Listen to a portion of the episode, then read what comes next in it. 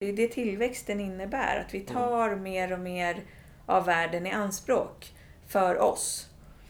Och vi, det finns ingenting som, som håller emot. Vi kan liksom inte hejda oss. Vi har inget sätt att hejda den utvecklingen. För det finns ingen där, enligt vårt sätt att se det, som, som, som, som vi skulle kunna behöva stoppa för. Liksom. Det enda vi kan stoppa för det är om resurserna tar slut. Det finns också en slags så krampaktigt fasthållande vid det här systemet och det tror jag handlar om att alternativen är inte synliga ännu. Nej. Och det är det som jag tänker att jag framförallt håller på med, så här, bygger upp alternativ.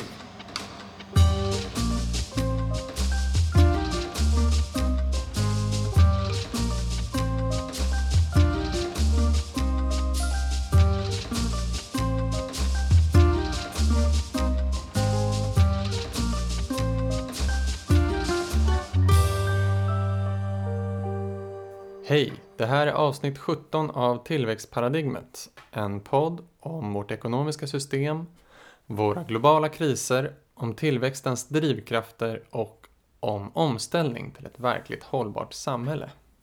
Jag är Hannes Anagrius och podden ges ut i samarbete med nätverket Steg 3.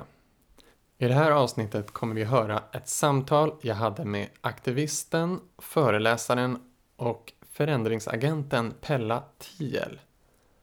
Ämnet är naturens rättigheter, något som Pella arbetar med att sprida kunskap om och försöka inkorporera i juridiken. Pella är ekolog och har tidigare varit med och startat nätverket Omställning Sverige, som är en del av det internationella nätverket Transition Network, eller Transition Towns, som genom gräsrotsinitiativ vill ställa om samhället bort från oljeberoende, fast på lokal nivå. Pelle har också varit med och startat eh, Lodyn, om jag uttalar det rätt, eh, som jobbar med ekopsykologi, hur vi mer känslomässigt kan bli mer ihopkopplade med naturen. Men just nu är hon främst koordinator i nätverket för naturens rättigheter och eh, vice ordförande i End Ecocide Sverige. Nätverket för naturens rättigheter vill ändra vårt tankesätt och vår syn på naturen, men också handlar det om att ge naturen egna juridiska rättigheter, som vi kommer in på. Och End Ecocide Sverige jobbar med att göra ecocide, alltså storskalig miljöförstörelse, till ett erkänt internationellt brott. Pella har också utnämnts till Årets miljöhjälte av Världsnaturfonden för sitt arbete. Vi kommer gå in på det här med naturens rättigheter och lite om utmaningarna med det och också de filosofiska delarna av naturens rättigheter. Och jag tycker det är väldigt spännande hur Pelle lyckas få upp de här frågorna till diskussion och faktiskt se på vårt samhälle ur ett helt annat perspektiv. Något som verkligen behövs om vi ska komma ur tillväxtparadigmet och vårt ohållbara system. Och faktiskt efter vi spelade in det här avsnittet så har naturens rättigheter nämnts som en viktig komponent i det utkast som tagits fram för det som heter Post 2020 Global Biodiversity Framework of the Convention for Biodiversity, CBD. Som man alltså kan beskriva som det som ska bli den nya internationella ramverket för att rädda den biologiska mångfalden i världen. Så det är coolt hur det har växt. Men innan vi går in på vårt samtal så tänkte jag prata lite om hur jag tror att systemkritik och strävan efter en hållbar ekonomi skulle kunna bli en politisk rörelse. Jag ser att det finns ett problem för miljörörelsen att växa sig stor och en svårighet för oss som vill kunna driva igenom en verklig hållbar omställning. Och den svårigheten ligger i att få med oss tillräckligt många. Och en anledning tror jag är att miljörörelsen hittills mest kommunicerat eh, vår ekologiska kris och hotet som det här innebär. Och jag var egentligen mer skeptisk till hur stor påverkan man kan ha med det här perspektivet förut. Men sen kom ju Greta Thunberg, Fridays for Future, The Sunrise Movement i USA, Extinction Rebellion med flera. Och de sa ju helt enkelt och säger helt enkelt bara lyssna på vetenskapen, erkänn att vi är i en kris och handla. Och det har ju verkligen förändrat tonläget det här. Det har ju fått upp klimatfrågan på agendan och fått många att börja inse allvaret. Så de är krafter att räkna med och en bra grund att bygga på. Men det räcker inte. Jag håller med Greta och de här aktivistnätverken om att det behövs krisinsikt och jag tycker de verkligen bidrar till att höja krisinsikten i samhället. Ju fler som engagerar sig, ju mer kan eh, man, vi eh, synas och höras, ju mer folklig och legitim ses rörelsen och ju mer ökar krisinsikten då. Men vad krävs för att liksom växa en rörelse som kan få tillräckligt många att kämpa för ett annat samhälle? För även om den här podden handlar mycket om teoretiska idéer och ekonomiska system så tror jag knappast det räcker om vi övertygar en liten skara akademiker, ekonomer, tänkare eller samhällsintresserade privatpersoner om hur vårt ekonomiska system skulle kunna förändras rent tekniskt. Det behövs absolut. Vi behöver en bättre förståelse bland de som driver på idédebatten och de som formar inte minst medias förståelse av samhället som då kommuniceras vidare till folk. Särskilt om vi kan nå inflytelserika personer såklart. Men vi lever ju inte i någon teknokrati utan det är den allmänna opinionen som formar samhället. Och såklart ekonomiska intressen, partiers ideologier, andra intresseorganisationer. Tillsammans avgör det här politiken och hur vi formar samhället. Men det är ändå människor med det rådande samhällets normer som fattar de avgörande besluten. Och i en demokrati måste de förhålla sig till den rådande diskursen, opinionen. För att skapa en allmän opinion för ett verkligt hållbart samhälle så tror jag att det behövs mycket mer än hot om klimatkollaps och ekologisk kollaps. Även om det behövs också då. För egentligen om man tänker på Sverige så är ju klimataktivisternas krav och politikernas mål om att nå netto nollutsläpp, minska Sveriges miljöpåverkan etc. Allt det är ju lite av en lek vi alla spelar med i. För egentligen, det spelar ju ingen roll för klimatet vad Sverige gör. Även om den här typiska non-annanismen, men varför ska vi göra något om inte Kina gör något? Det är väldigt störigt, men det är en berättigad fråga. Varför ska vi vilja radikalt förändra hela vårt samhälle mot något annat som vi inte riktigt vet vad det är? Hur kan vi förvänta oss att folk ska hoppa på det tåget? Särskilt om många känner misstro till politiker. Ska man då våga lita på att de ska få massor av makt att radikalt förändra samhället? Visst att det kan vara moraliskt rätt att göra vår del här i Sverige men människor med sina egna vardagsproblem tänker ofta inte så mycket på den sortens moral och om ändå inte andra länder ställer om, vad spelar det då för roll om Sverige gör det? Det som spelar roll däremot är om Sverige kan visa upp någonting för omvärlden. Ett exempel på hur vi kan leva goda liv inom planetens gränser. Och sen egenintresset att förbereda sig för en väldigt annorlunda framtid. Skapa resiliens. Jag kommer tillbaks till det.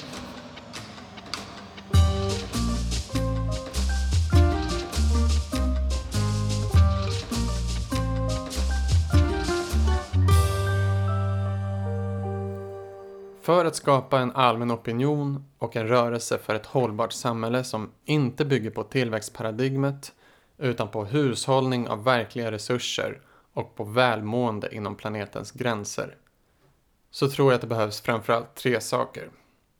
1. En vision. 2. Organisering. 3. Handling och att bryta känslan av maktlöshet. Om vi börjar med nummer 1, en vision. En vision om hur vi ska få det bättre. Krisinsikten om hotet om klimatkatastrof och ekologisk kollaps, det behövs. Men det kan inte ensamt skapa en rörelse tror jag. Det måste finnas en riktning mot något positivt. Och solidaritet tror jag tyvärr inte hjälper ensamt heller. Vi kan peka på hur vissa grupper i samhället eller andra länder eller djur och andra arter drabbas extra hårt av den ekologiska krisen eller av ett ojämlikt ekonomiskt system. Men historiskt så har alla stora samhälleliga framsteg som avskaffandet av diktaturer, allmän rösträtt, rimliga arbetsvillkor, betald semester, allmän sjukvård, utbildning, avskaffandet av slaveriet, avkolonialiseringen. Allt detta har drivits fram av aktiva rörelser bestående av de människor som själva har något att vinna på förändringen. Som kämpat för sin överlevnad, sin egen makt över sitt liv och så vidare. Och det här att avkolonialiseringen och avskaffandet av slaveriet berodde på humanism och solidaritet från västländerna är ju inte riktigt sant. Det föregicks ju av enormt starka politiska rörelser i kolonialländerna, befrielsekrig och slavuppror som slogs brutalt ner av kolonialmakterna. Och även efter andra världskriget när FN och mänskliga rättigheterna skapades så talade västländerna öppet om hur de ville utöka sina kolonier. Nästan alla rörelser har helt enkelt identifierat sig som en grupp med gemensamma materiella intressen. En klass om man så vill. De som är villiga att kämpa för andra grupper behövs, men de är relativt få. För de har oftast själva en, någon form av trygghet, försörjning, har det ganska bra helt enkelt. Då kan man kämpa också för andra. Men om folk kan identifiera sig själva med gruppen man kämpar för kan många fler motiveras att engagera sig. Då kämpar man ju också för andra, men även för sig själv och gruppen som man identifierar sig med. Idag är det här dock en utmaning för vi har så många parallella identiteter, lokala, nationella, internationella, massa subkulturer och klasser är inte så tydliga för folk längre. Och det här för mig in då på nummer två, organisering. Grupper som identifierar att de har gemensamt intresse börjar jobba tillsammans och forma verktyg för att samarbeta och driva igenom sina idéer, påverka media, opinionen, politiken. Här är solidaritet väldigt viktigt. Att kunna stödja andra rörelser som har kanske lite annan ideologi, kämpar för lite andra grupper och saker. Men att se likheterna, att vi jobbar åt samma håll och stödja varandras kamper och bilda samarbeten för en bredare rörelse helt enkelt. Utan att bli kidnappade förstås av starka ekonomiska krafter eller av de som kanske inte egentligen driver majoritetens intressen. Tre då. Handling och bryta känslan av maktlöshet. Det här är alltså en erfarenhet och en förståelse av att samhället går att förändra. Och det här tror jag är verkligen något som saknas i dagens samhälle. Politik och ekonomi upplevs som något som är bestämt av naturlagar. Men allt i en demokrati går ju att ändra på om tillräckligt många vill det och driver på för det. De flesta radikala systemförändrande idéer stoppas redan på idéstadiet i människors hjärnor eller vid diskussion runt köksbordet. Nej, det där går aldrig att få igenom. Det där är politiskt omöjligt. Det finns ju inget som är politiskt omöjligt. Det finns bara omöjliga politiker. Om de inte går att övertala så byt ut dem inifrån partierna eller via röstsedeln. Ofta hörs också det där strider mot handelsavtal, mot EU-lagar etc. Ja, för det första, man kan ju alltid testa att göra det ändå. Det är ju inte som att alla länder i EU följer alla EU-lagar. Eller att alla följer alla internationella handelsavtal. Det kan såklart bli konsekvenser. Men är det något som vi måste genomföra för att ta oss till det hållbara samhället som säkrar vår överlevnad och det verkligen inte är förenligt med EU-lagar eller handelsavtal, ja, då är det EU-lagarna och handelsavtalen som det är fel på. Så bilda opinion, påverka EU-politiken, omförhandla avtalen eller helt enkelt lämna avtalen. Jag säger bara att du kan inte argumentera mot en god idé med bara argumentet att det är politiskt svårt att genomföra den. Då är du ju själv en del av svårigheten, hindret. Det kan säkert vara taktiskt med ett mått av pragmatism och kompromiss också, så att man ser att det rör på sig. Men om det inte tar oss dit vi behöver ta oss, då måste vi kräva det stora och det som känns svårt och som verkligen förändrar systemet. Och som jag varit inne på innan så finns också feedback-loopar i det sociala och politiska. Trögheter som håller emot så att det upplevs som inget händer och det är omöjligt. Men när man når en tipping point så går förändringen väldigt snabbt. Och så har historien sett ut, på gott och ont. Så hur skulle en attraktiv vision för ett verkligt hållbart samhälle se ut? Ja, det behövs nog ett eget avsnitt för det, helt klart. Men jag tänker på några saker. Vad upplever folk i ett land som Sverige som de stora problemen idag? I samhället och sin egen vardag? Är det att man har för lite prylar, att man skulle vilja konsumera mer? Ja, för vissa är brist på pengar ett problem. För andra känns det väldigt viktigt att ha de nyaste, de coolaste produkterna, kläderna, teknikprylarna, att kunna göra häftiga resor. Men vad är det underliggande problemet här? Vad är det egentligen vi vill ha? Först trygghet, att veta att man kan betala hyran, köpa mat, kläder, att ens barn mår bra och inte blir utanför. Och sen att man hänger med i trenderna bland kompisarna, att man ser ut som någon som klarar sig själv. Att man blir respekterad. Att man har ett sammanhang och en identitet. Och det är ju vad all reklam handlar om. Inte om produkterna i sig. Utan hur de hjälper dig att bli den du vill vara. Och under detta ligger i-ländernas stora samhällsproblem. Folk mår inte bra. Trots ständigt ökande materiell standard, som dock fördelas väldigt ojämnt, så mår människor allt sämre. Psykisk ohälsa ökar, medicineringen för psykisk ohälsa ökar. Vi blir mer isolerade från varandra, från vår släkt och vänner, från platsen vi bor på, från ett socialt sammanhang och från naturen. Vi är ständigt på väg att tävla med andra, men vi är aldrig liksom här och nu. Det är en kamp, men vi vet inte vem vi kämpar mot. De flesta stressar för att de har för mycket på sina jobb och andra stressar för att de inte har ett jobb alls. Och när vi väl ska göra något för oss själva så ska vi alltid maximera det goda. Allt måste bli perfekt och det ska dokumenteras. Vi berättar ständigt för världen vad vi gör men har svårt att sitta ner och bara lyssna på varandra. De som inte hänger med i det här tempot eller inte passar in i mallen hamnar utanför. Folk blir ensamma, deprimerade, självdestruktiva eller näthatare och, eller kriminella. Självmord är den vanligaste dödsorsaken bland unga. Och alla har ju sett eller upplevt mobbing i skolan men aldrig gör vi något åt det här i grunden. Alla vet att folk som mår dåligt får för lite hjälp men vi gör inget åt det som samhälle.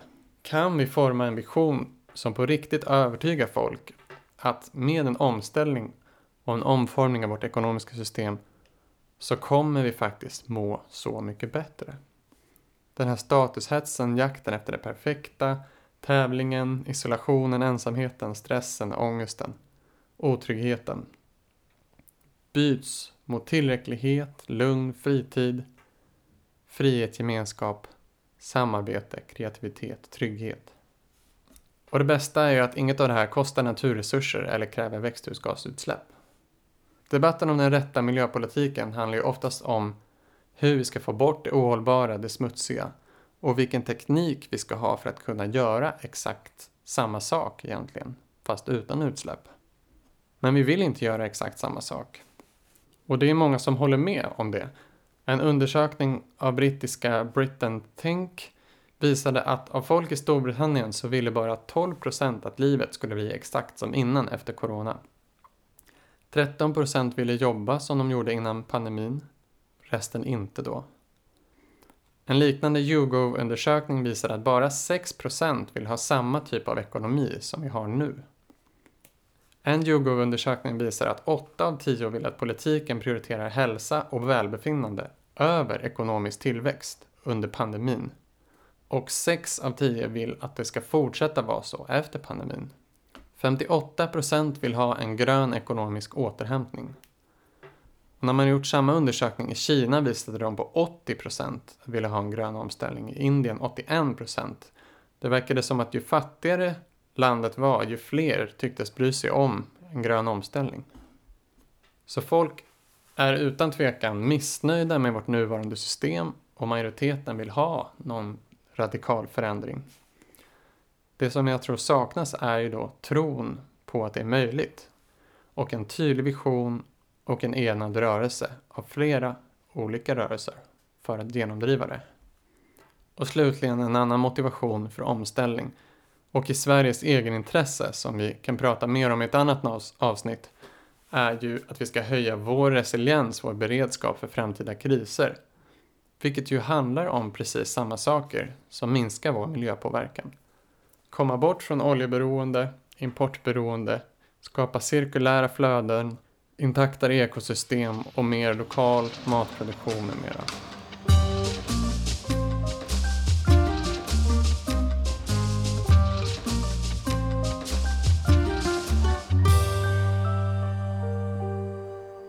Så, det var den utläggningen.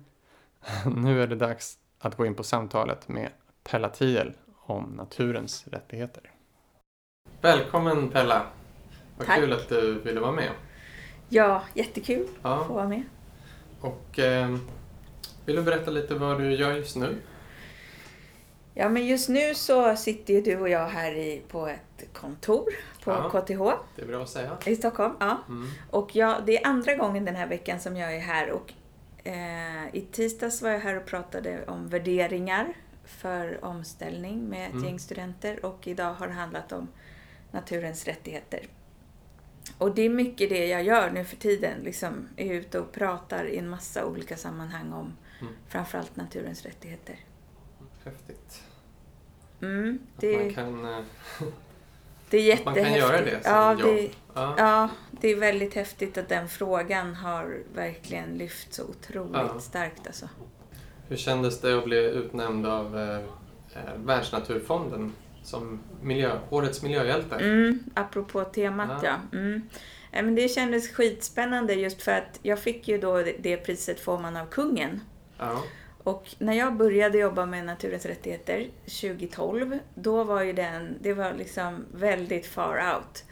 Även i miljörörelsen där, där jag var aktiv så var det liksom, det var nästan eh, helt okänt och, och betraktades som helt utopiskt. ja.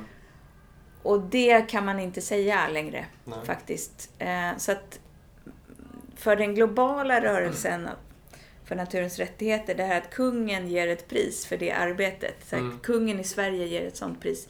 Det är, det är verkligen en slags så här, tecken på att det håller på att bli mainstream. Ja. I alla fall tanken Ja. kan liksom relateras till. Och det trodde jag skulle ta väldigt mycket längre Mm. tid. Jag vet inte hur de resonerar på WWF, men om det är lite som Nobelpriset ibland, att man liksom förstår om det här är en intressant grej som vi vill uppmärksamma och som fler borde prata om, liksom, att man ger priset av den anledningen också.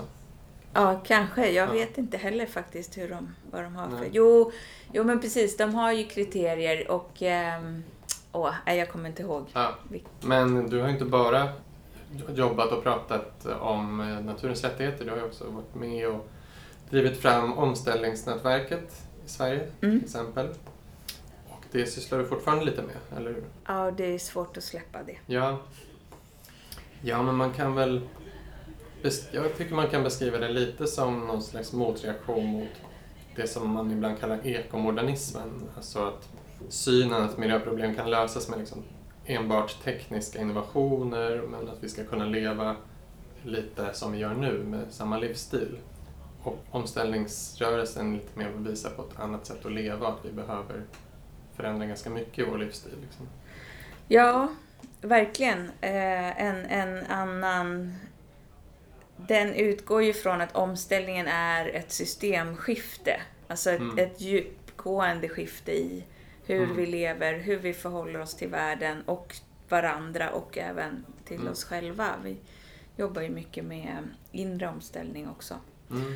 Och jag ser på det faktiskt som en av ganska få posttillväxtrörelser. Mm. Att det finns liksom... De allra flesta miljörörelser och miljöorganisationer och sådär, de är ju fortfarande ganska mycket inom tillväxtparadigmet. Ja. Och sen finns det ett antal rörelser som har lämnat det och säger nej, vi måste tänk, Mm. på, tänka på ett helt annat sätt. Mm. Och det är inte så spännande med dem för att de uppstår liksom på många håll i världen samtidigt. Mm. Och jag tror att omställningsrörelsen, om den hade varit bara ett svenskt fenomen så hade den inte fått den kraften som den har i och med att det är ett internationellt nätverk. Mm. Rörelsen för naturens rättigheter är samma sak. Mm. Också ett internationellt nätverk som stärks av Mm. att det pågår på många håll samtidigt och som är en, en posttillväxtrörelse. Och samtidigt utgår det väldigt mycket från det lokala och från gräsrotsinitiativ. Liksom. Ja. Ja, men hur, hur har du själv eh, ställt om liksom? Mm. eh, Om du pratar lite om det. Ja, men precis. Jag har ju turen att bo på en liten gård på Ingarö som min mormor köpte. Mm. Och eh, det gör ju att jag, liksom, jag är väldigt nära till sånt som att fylla mina behov från platsen där jag bor till exempel. Och det Mm. har jag ju gjort mer och mer. Mm. Så att ja, men bli, gå mot självförsörjning i större utsträckning har jag gjort. Jag har också jobbat med, med den lokala resiliensen lite utanför gården. Så, här, så vi har en liten omställningsgrupp som samlas, Omställning Nordöstra Ingarö, och som Mm.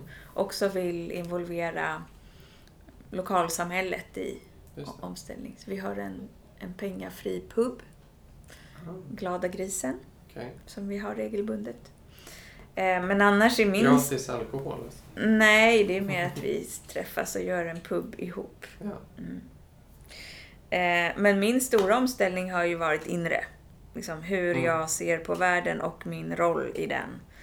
Så att det här att förstå att ja, men det finns ingen annan som kommer att åstadkomma det här. Utan jag måste göra det. Och vad ska jag göra då? Och med Mm. vem? Ehm, Precis, för det är ju väldigt svårt att ställa om själv. Liksom. Man, behöver, man behöver en grupp verkligen. ja. Utnyttja olika personers eh, kunskaper och färdigheter. Liksom. Mm. Eh, Men också det här med att ja, men vårt stora samhälle, hur ska det ställas om? Ja. Ja. Det, det kommer inte av sig själv utan det Nej. kommer för att, så, så vitt jag ser det så, ser, så är det mycket så för att individer tar initiativ och Mm. gör saker som är i, i en, en systemskiftande riktning. Liksom. Så om vi lever i ett ohållbart system, det betyder ju att det systemet inte kommer att hålla. Så att det kommer att, att falla. Mm. Och det ser vi ju tecken på nu överallt. Mm.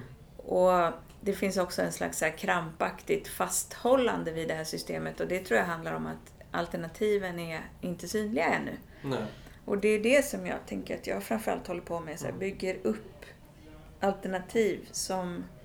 Det är lite som Vilka? en så här landgång eller en brygga liksom, Ja. så man kan fly systemet lite grann liksom, och, och, och testa på hur det skulle kunna vara istället. Liksom.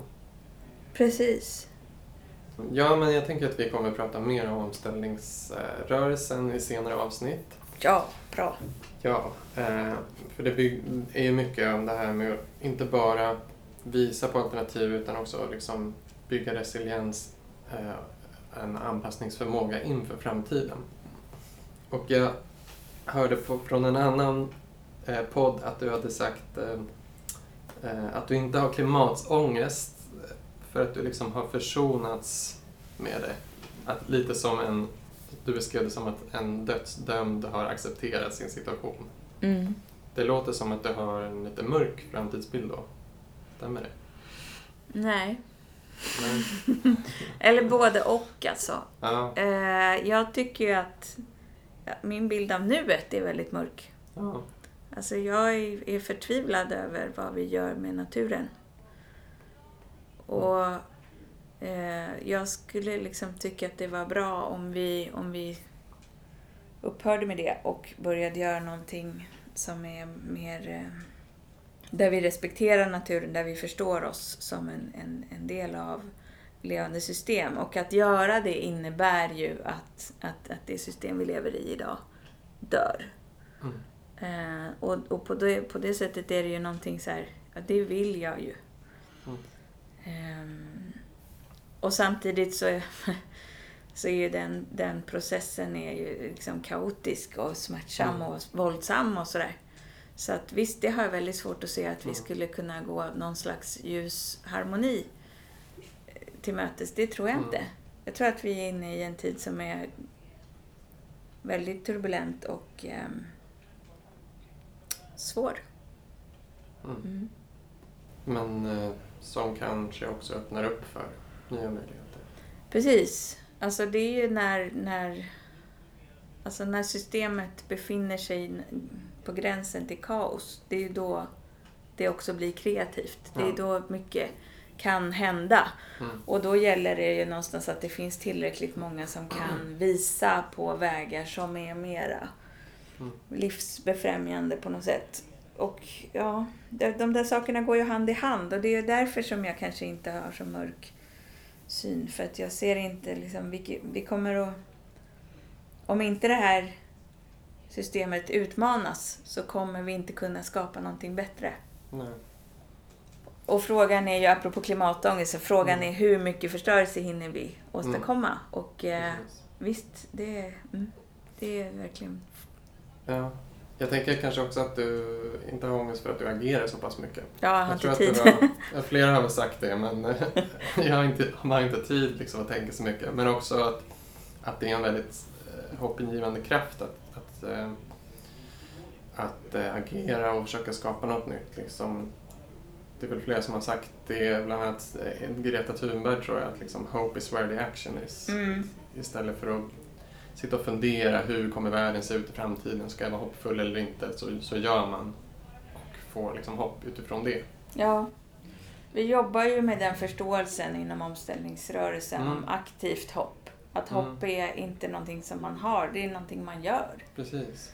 Ehm, och jag tänker också att ehm, det här med hur mycket ångest man har och hur mycket liksom, sådana svåra känslor man har. Det som vi försöker göra det är att erkänna att de finns. Leva dem och tillåta dem, skapa utrymme för dem. Ja, jag är liksom ledsen, förtvivlad, sorgsen, arg. Mm. Eh, och det får finnas. Och har man varit där, då, ger det, då kan det bli en kraftkälla. Så man har dem och man vet vad man har dem och de ger hela tiden kraft. Mm. Man fastnar inte där utan man går igenom Mm. det. Och sen är det någonting som man bär och som inte tynger utan som faktiskt är bränsle. Mm. Mm. Man liksom studsar upp från botten som en flipperkula. Ja, kanske. kanske. Men eh, för att det finns ju mycket, alltså vem som helst som läser tidningen idag har ju åtminstone de känslorna i någon mån. Men vi vill inte ha dem och då lägger vi väldigt mycket energi på att hålla dem borta. Eh, och den energin behöver vi verkligen till någonting annat som vi bara kan liksom leva med dem istället. Så, så Mm. jag tror att vi behöver göra det för att vara liksom, effektiva förändringsagenter och för att må bra. Mm.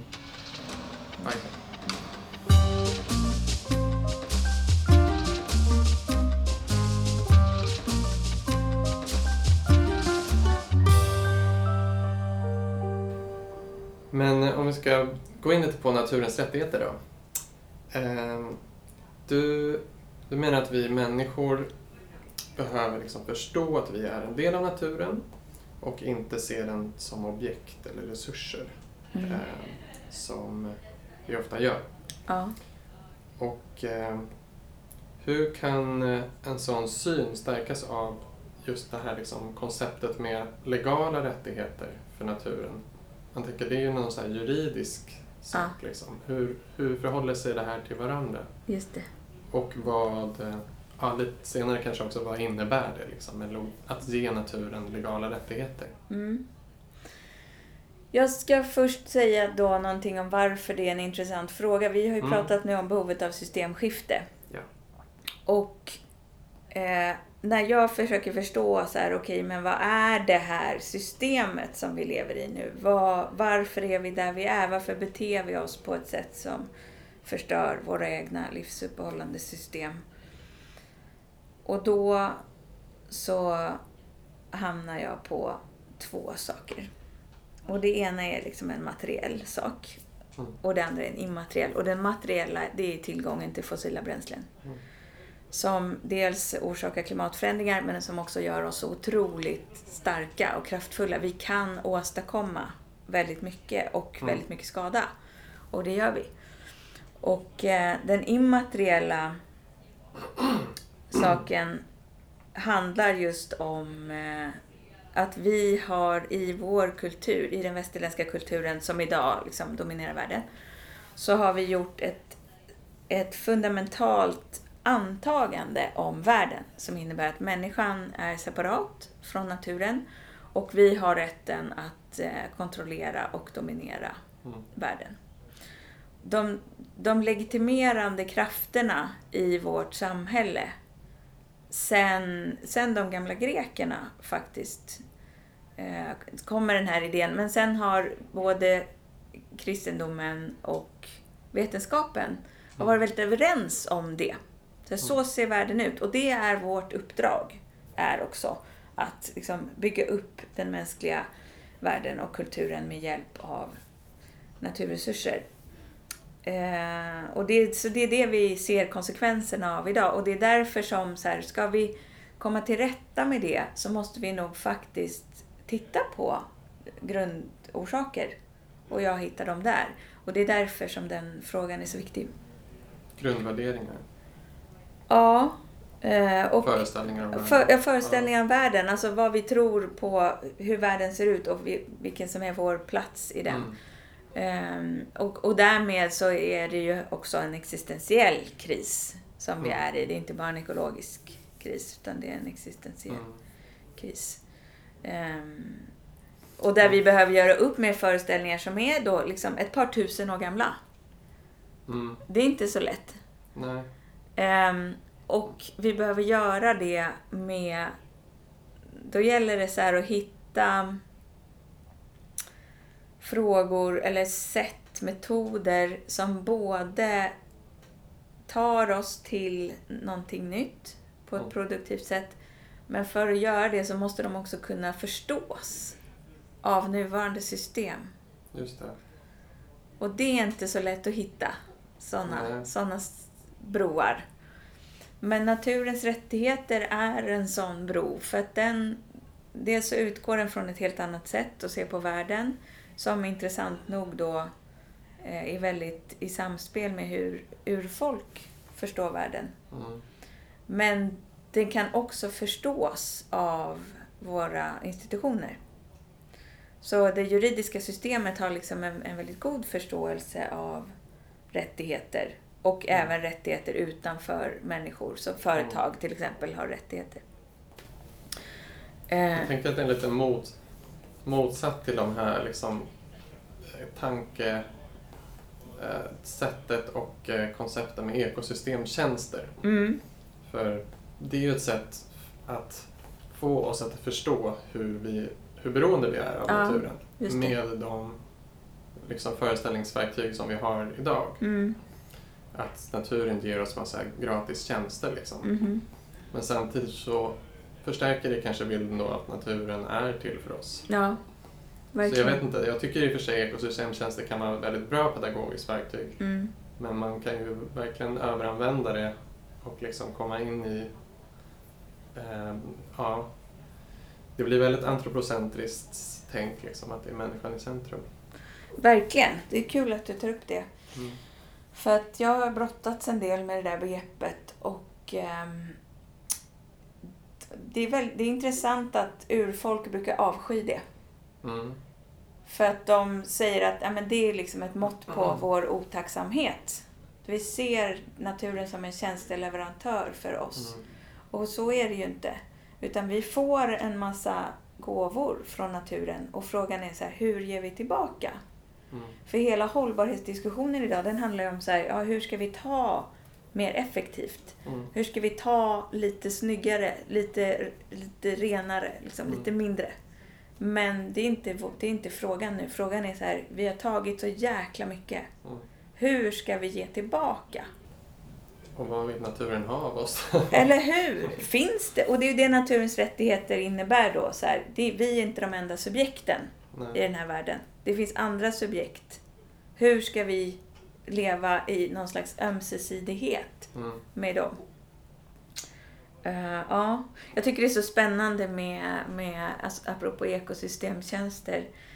Eh, för att det, känns, det är lite svårt att ifrågasätta det begreppet för det är ju all over the place. Ja. Liksom.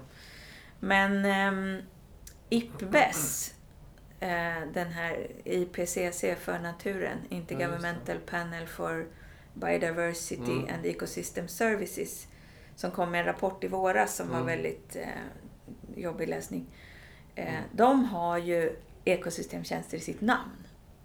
Ecosystem Services. Men de, förra året så tog de ett policybeslut på att inte använda det begreppet. Mhm. Det är ganska tungt. Av just den där anledningen som du sa.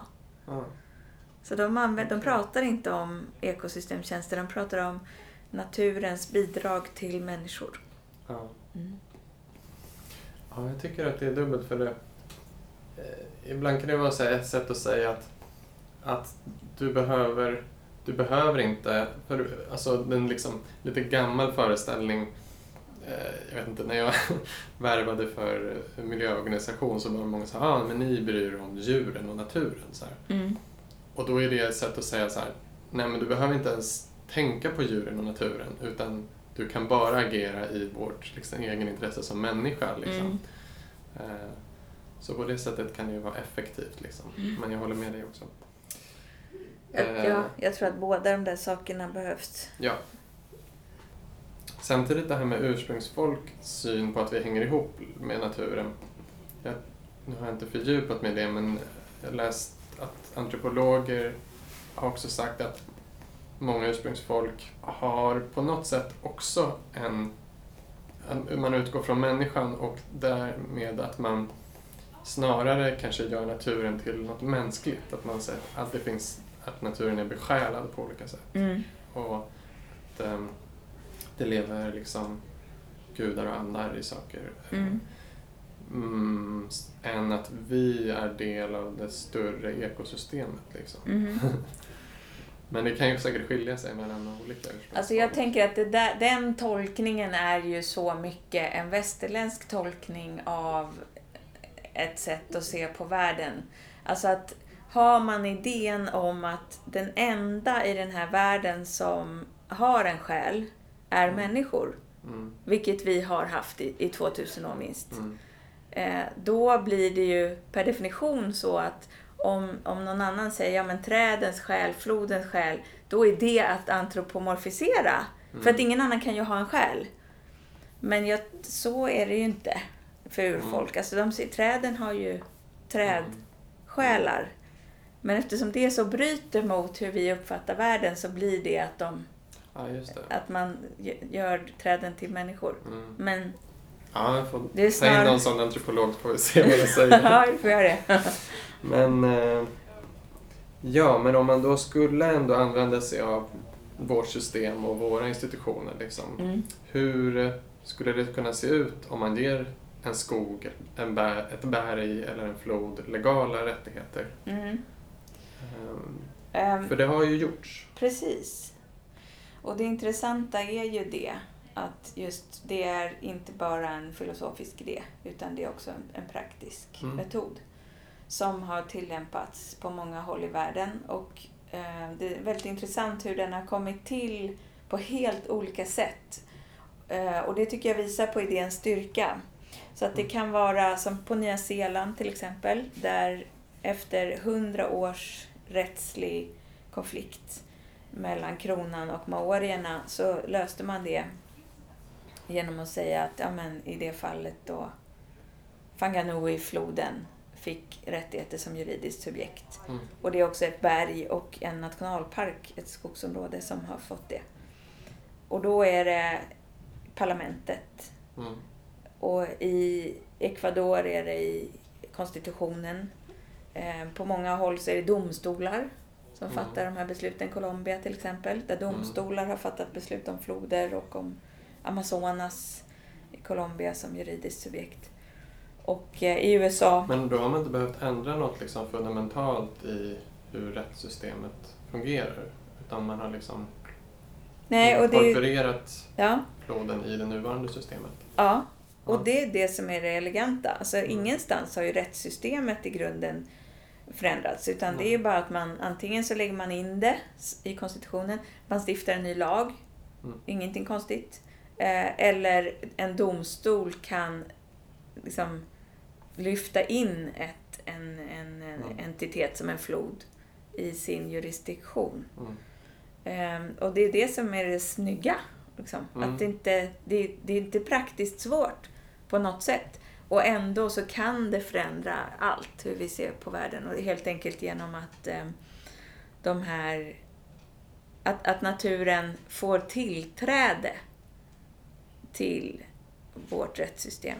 Så att, Mm. att vi överhuvudtaget ser genom det rättsliga systemet att någon annan än människor kan ha intressen och behov. Mm. För det kan vi inte se idag. Så idag finns liksom ingenting. Det vi har skapat med den här antropocentriska bilden, det är ju en koloniserande kultur. Som hela tiden tar för sig mer och mer. Det är det tillväxten innebär. Att vi tar mer och mer av världen i anspråk för oss. Och vi, det finns ingenting som, som håller emot. Vi kan liksom inte hejda oss. Vi har inget sätt att hejda den utvecklingen. För det finns ingen där, enligt vårt sätt att se det, som, som, som, som vi skulle kunna behöva stoppa för. Liksom. Det enda vi kan stoppa för det är om resurserna tar slut. Mm. Eh, Och det är naturens rättigheter. om vi inser det tidigare då. Ja, men, ja, just det. Men hur ska vi inse det? Mm. Och då är ju naturens rättigheter ett sätt för oss att inse att här finns det även andra varelser, Mm. andra intressen, andra behov som har rätt att existera och som vi måste balansera våra rättigheter Mm. gentemot. Men om man, eh, om man tar något exempel liksom, där naturen har blivit ett eh, juridiskt subjekt. Då är det någon som då får representera eh, den här floden till exempel. Mm. Skulle du vilja liksom ta upp något sån, någon sån rättegångsprocess eller så som har varit så man kan få någon bild av det? Mm. Ehm, det är ju en, det är väldigt ny utveckling Ja. där. Så att det äldsta, som, äldsta tydliga, liksom, större beslutet, det är från Ecuador. Som tog in det i sin konstitution 2008. Och det är där, där finns det liksom rättslig praxis. Mm. Och det är ju inte så att det här är någon silverkula på något sätt. Ehm, Så fortfarande så finns ju, så det finns en hel världsekonomi som Ja. Ecuador är invävd i, så de kan inte, liksom, tror jag, det är åtminstone mycket svårt Mm. att, att eh, leva efter naturens rättigheter och det har de verkligen inte gjort heller. Mm. Men däremot så har det ju kommit en, en praxis med ett antal domstolsbeslut där domstolarna har i sin rättsutövning, alltså domarna har liksom fått en annan arbetsbeskrivning som har gjort att vissa beslut har, har fallit till naturens fördel och där domarna, jag är framförallt intresserad av så här, hur, hur domstolarnas språk i Mm. de här domarna är väldigt häftigt. Det blir nästan en lektion i så här interkonnektivitet, interbeing, eh, Mm. som Hanh säger. Där de beskriver att ja, men, eh, människor lever här och de måste också respektera att det finns andra intressen, nämligen den här mangroveskogens till exempel. Och vi måste lämna ett antropocentriskt sätt att Mm. agera till förmån för ett, ett biocentriskt. Så att man, man får komma ihåg hela tiden att det här är ett, det är, ett, det är ett stort skifte, det är ett kulturellt skifte, det tar tid och det krävs liksom många, Mm. många idéer på många nivåer. Det är inte som att man, man stoppar in det i en lag och sen är det klart. Nej. Så är det inte. Och så är det inte med lagar heller. Ehm, men anledningen till att lagstiftning är intressant är att den är Cormac Cullinan som är en sydafrikansk jurist som har varit väldigt viktig i den här rörelsen. Han, han har sagt att eh, lagen är ett samhälles DNA. Mm. Det är så vi förstår oss själva. Liksom. Det är så vi berättar för varandra vad som är rätt och fel. Och. Mm. Så därför är det en viktig väg. Ja, det är väl ett samspel mycket mellan de formella lagarna och normerna i samhället. Ja. Liksom, att normerna skapar lagarna och lagarna skapar normerna. Liksom, mycket. Precis. Men eh, eftersom eh, en skog eller en flod har ju inte någon egen talan liksom, som vi kan förstå i alla fall. Så någon måste då representera. Mm. Och vem blir det? Liksom? Är det Mm. de som bor där eller? Mm. Det, det ser olika ut på olika platser. Mm. Och jag tror att det är också någonting som kommer att växa fram. Ehm, i, på Nya Zeeland så har man utsett vad man kallar för flodens mänskliga ansikte. Okej. Med en representant från Maori och en från staten. Och de har som sitt uppdrag att representera floden. Mm. Ecuador är lite extrema. De, där får vem som helst göra det. Mhm. Så alla kan liksom ta naturens intresse till domstol. Det låter lite farligt. Ja, det låter ju lite svårt faktiskt. Ehm, Det kan ligga andra intressen liksom, Mm. underliggande. ja, precis. Eh, och det vet jag inte, det har nog inte hänt ännu. Mhm. Men eh, precis. Så att det här är lite grann så här, ja, vi får se. Det är verkligen ett Ja. en emergent space. Men det är det som är spännande att det praktiseras olika på olika platser så man kan lära sig av det. Liksom. Mm. Eh, och igen då så är det ju inte någonting som är märkligt egentligen i, i det juridiska systemet. Alltså, att, att man representeras av någonting är ju snarare regel än undantag. Och det finns ju många intressen. Alltså företag till exempel har ju Ja. advokater. Bebisar har advokater Mm. och sådär. Så att det är inte, Mm. det är inget konstigt egentligen med det. Nej, precis. Det är, man kan väl jämföra lite med liksom hur vi har sett på barns rättigheter kanske.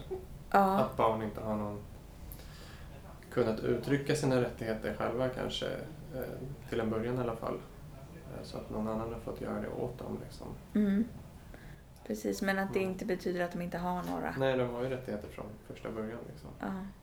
Jag kan säga då också att vi här, Naturens rättigheter i Sverige, vi har ju föreslagit att, eller som vår juridiska konstruktion skulle se ut så skulle, om, natur, om vi i lagstiftning i Sverige erkände naturens rättigheter så skulle det vara i regeringsformen, Mm. vår grundlag. Och ehm, det har vi föreslagit och Rebecca Lemoine som är riksdagsledamot för Miljöpartiet, hon Mm. har motionerat om det nu för Just en månad sedan. Och ehm, vi föreslår också att som, som vårt system skulle se ut så skulle man kunna ha en ombudsman för naturen.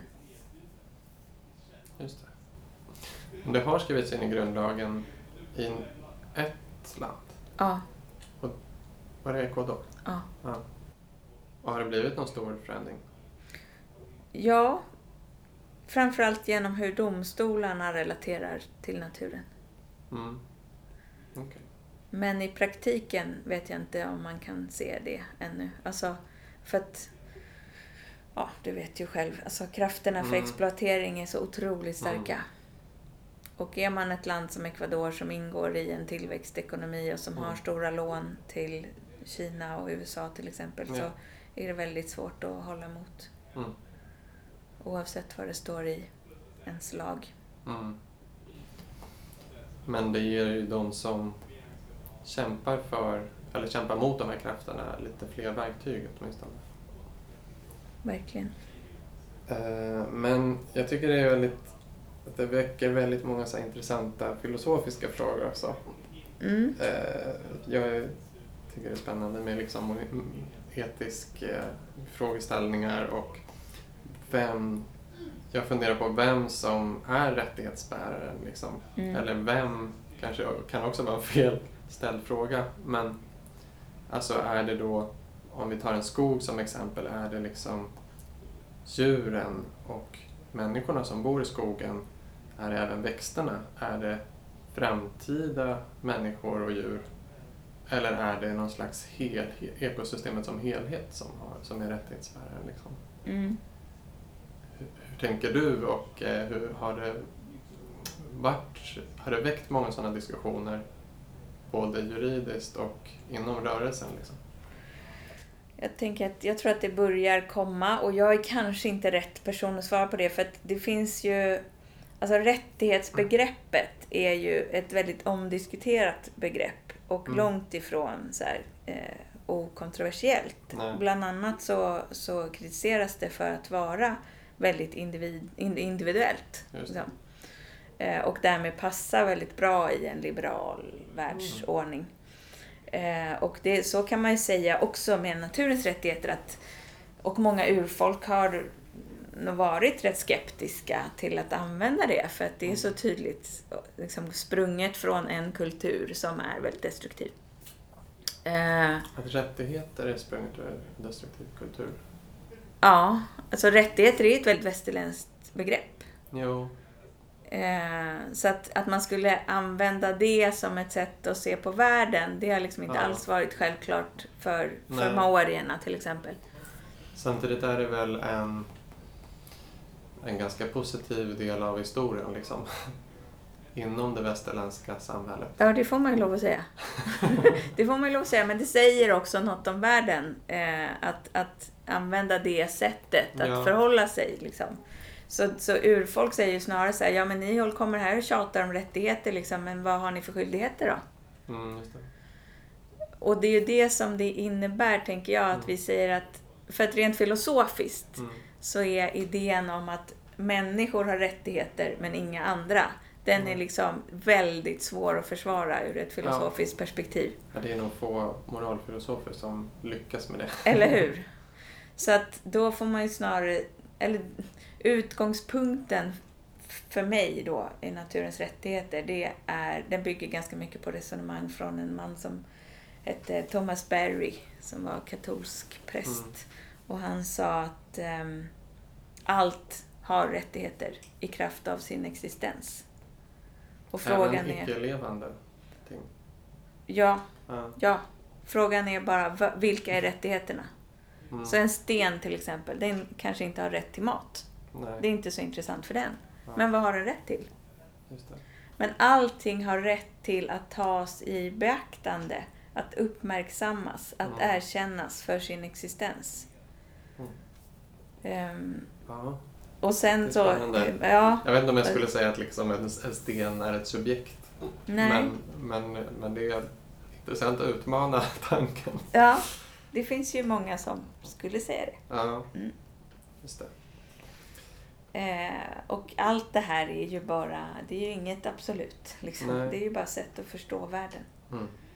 Eh, och som sagt, naturens rättigheter är ett sätt att förstå världen som är bristfälligt, men det är betydligt mindre bristfälligt Mm. än att se att människor har rättigheter och inga andra. Mm.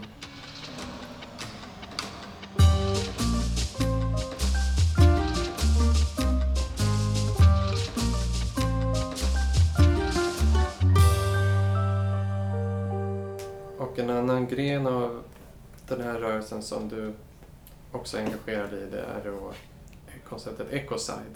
Ja, just det. Mm. Och eh, du har startat End Ecocide. Eh, eller?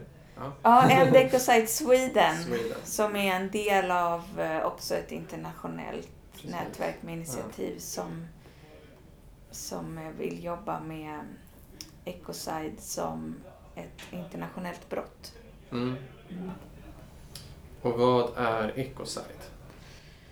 Man skulle kunna översätta det, alltså det blir mycket bättre på engelska där vi har genocide som är folkmord och ecocide är då mord på ekosystemet eller Mm. naturen. Jag översätter det som storskalig miljöförstöring. Mm. Och eh, genocide är någonting som man faktiskt kan bli dömd för liksom internationellt. Mm. Och det är det som är tanken med Ecocide också, att det ska vara någon slags eh, transnationell, eller internationell snarare, Ja. eh, sätt att, att döma aktörer på. Ja, Mm. precis. Och där Alltså man var ju tvungen efter andra världskriget när vi var tvungna att liksom försonas med tanken på att här hade industriell avlivning av människor ägt rum. Mm. Hur skulle vi göra med det? Eh, vad ska det internationella samfundet göra om en Mm. diktator bestämmer sig för att ta livet av sin egen befolkning? Mm. Och så höll man på och grejade med det där ett tag och sen så kom det som hände i Jugoslavien, det som hände i Rwanda. Mm. Och då i slutet på, eller i, i mitten på 90-talet var det, så förhandlade man fram Romstadgan som reglerar verksamheten vid internationella brottmålsdomstolen i Haag. Mm. Där man sa att vissa brott är så allvarliga så att de måste det internationella samfundet ta ansvar för att de liksom inte händer. Mm. Och man måste kunna ställas inför rätta Mm. eh, av, av det internationella samfundet även om man är allsmäktig i sitt land. Mm. Ehm, så det är fyra brott som man kan åtalas för i Haag och det är folkmord, krigsbrott, brott mot mänskligheten och aggressionsbrott. Och ehm, när Romstadgan förhandlades på 90-talet då var miljöförstöring en del. Mhm. Så att vi har liksom redan haft den tanken att det här Mm. är ett internationellt brott. Men det försvann från förhandlingsbordet i sista stund under förutsättningar som var ganska... Eh, eh, som inte riktigt tål dagsljus, tror jag. Okej. Det var FN-observatörer där och de sa att det här är ett fall av lobbying. Ja. Och det kan man Ja, förstå Det är för inte att... så förvånande. Nej, eller hur? Alltså till skillnad från de här fyra brotten så är ju ecocide är ju ganska mycket ett, det är någonting, det är ju en grund för världsekonomin. liksom. Ja. Ja, vi tjänar pengar på Ja. att förstöra naturen. Omvandla naturkapital till finansiellt kapital kan man säga. Precis. Om man nu tänker på naturen som Ja. kapital. Det är bra att du är här för jag har beskrivit, beskrivit systemet ganska mycket ekonomiska termer tror jag. Just det. Ehm, ja. Så att egentligen för oss så är det ju så här, men nu är tiden mogen. Vi ser effekterna mycket tydligare nu att vi har en världsekonomi som baserar sig på, på förstörelse egentligen. Och vi måste, den är, det är en cowboy-ekonomi. Ja. Så världsekonomin är liksom transnationell. Mm. Men det finns inga regler. Du kan göra i princip vad som helst. ja, förutom de nationella lagarna då. Men det Precis. finns inget internationellt. Nej. Eh, och idén med att säga... Och det är mycket då att aktörer, företag eh, oftast då söker sig dit där det, de lagarna och reglerna är som lägst, som, som minst. Liksom. Precis. Mm. Och det är ju inget de gör för att de är onda eller så, utan det är så systemet funkar. Det, det, det är så det blir. Eh, och då så tycker vi att det är dags att liksom göra någonting åt det. Och det är väldigt fiffigt att vi redan har de här institutionerna. Vi har redan regelverken. Vi skulle kunna bestämma och göra det här imorgon om vi ville. Eh, och det fiffiga med att säga att det, att det är ett brott det är att det har en helt annan, som du var inne på förut, den här kopplingen till hur vi ser på världen, till normer. Mm. Att just att ha saker i, den, i strafflagstiftning är väldigt starkt kopplat till rätt och fel och därmed så hur vi förstår Mm. världen. Men eh, jag funderar ju på liksom, men det går väl att definiera så juridiskt, men alltså var gränsen går liksom. Eh, för eftersom vi är beroende av naturen så gör vi ingrepp hela tiden. Vi är en Ja. en extrem eh, förändring där mänskliga befolkningen har växt och vår ekonomi har växt under 1900-talet och framåt. Liksom att vi har tagit mer och mer plats och motat bort den vilda naturen. Ja, som du har sagt, det är en del av vårt system. Eh, Men, men i någon mening så är det också en förutsättning för att vi ska kunna leva. Ja, Att vi gör någon typ av ingrepp i naturen. Sen kan man ju ja. göra det i, på ett mer symbiotiskt sätt. precis. Men när är, börjar det bli ett ecocide? Um, vi, och, och att, att det är på det viset har ju också gett oss bilden av att mänskliga ingrepp i naturen är negativa. Och det är en väldigt tråkig bild av människan som vi får där. Som gör att vi ser det som att ja, men vi ska gärna göra så lite som möjligt. Om vi gör så Ja. lite som möjligt så är, är det bra. Om vi utplånar oss själva är det bäst. Det är det bästa då, Mm. enligt det sättet att se det. Och det finns ju många som tycker det. Mm. Och det är jättesorgligt, Ja. tycker jag. Det är ju hemskt. Ehm, istället så skulle vi kunna se att ja, men vi, om vi nu är en del av det levande systemet, hur ska vi i så fall vara det på ett sätt som är bra, inte bara för oss, utan för alla? Och det kan vi ju. Vi vet ju faktiskt hur man gör Mm. det. Alltså till exempel hur man bedriver jordbruk och matproduktion Mm. på ett sätt som, som berikar en plats istället för Mm. exploaterar en plats. Men vi kan inte göra det om vi inte har ett annat sätt att förstå det vi håller på med. Och då, precis, så hur definierar man det här då? då? Alltså, ja. Jo, jag håller verkligen med dig. Att man kan ju bruka naturen i symbios med den på sätt och vis. Man kan öka mångfalden med eh, ekologiskt jordbruk, eh, cirkulärt jordbruk och liksom eh, skogsbruk utan kalhyggen och så. Mm. Eh, Men i någon mån förändrar man alltid naturen och vi är också så pass många så jag... Ja, det kanske inte är jag är rätt person att svara på men hur liksom... Hur i, stor, hur, hur stor grad kan man göra det här utan att liksom... Ja, man förändrar ju alltid naturen. Och det är alltid någon som missgynnas såklart. Liksom. Ja, ja, någon rättighetsbärare. Ja visst, så är det ju.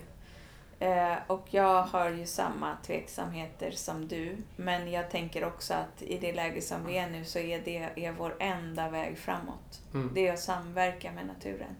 Det finns ingenting som kan ta oss ut från den här farliga situationen förutom naturens förmåga att regenerera sig själv.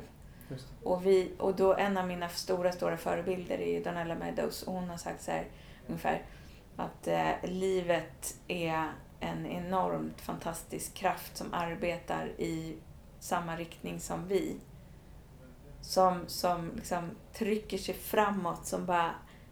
Och jag kan inte ens översätta de orden som hon använder, men om vi bara skulle låta den göra det Mm.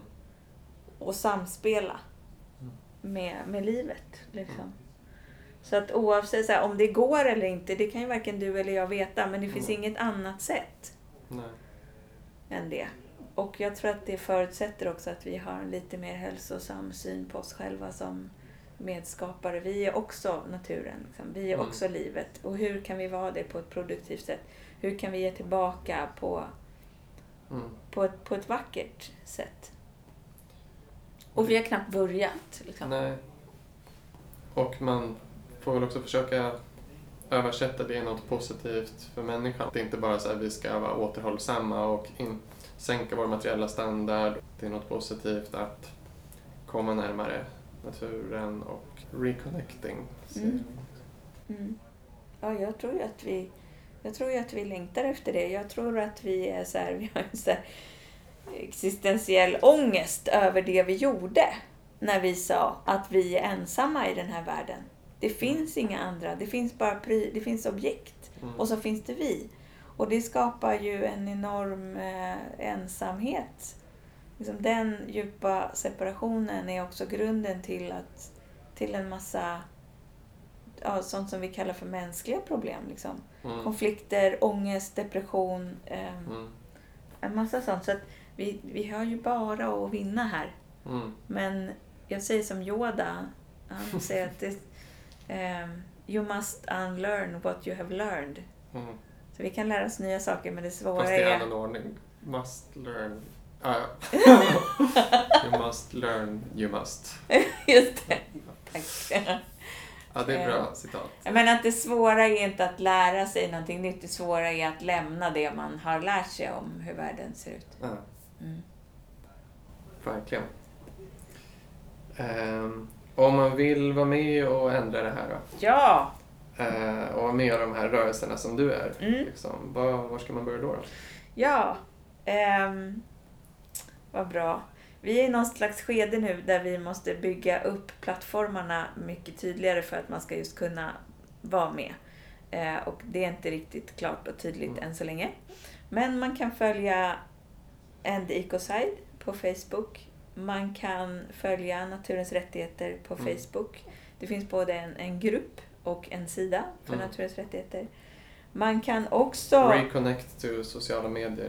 och naturen. Ja, ja, men eller hur. Det är där vi måste sluta. Hur ska man vara med? Ja, man ska fan gå ut och vara ute och fundera över hur hänger jag ihop Ja. med allt annat levande här? Ja, Eller hur? Sen tycker jag också att man ska och Facebook. Nej, men, man ska skriva på en, Ja. en eh, namninsamling som vi kommer att jobba mer med nästa år.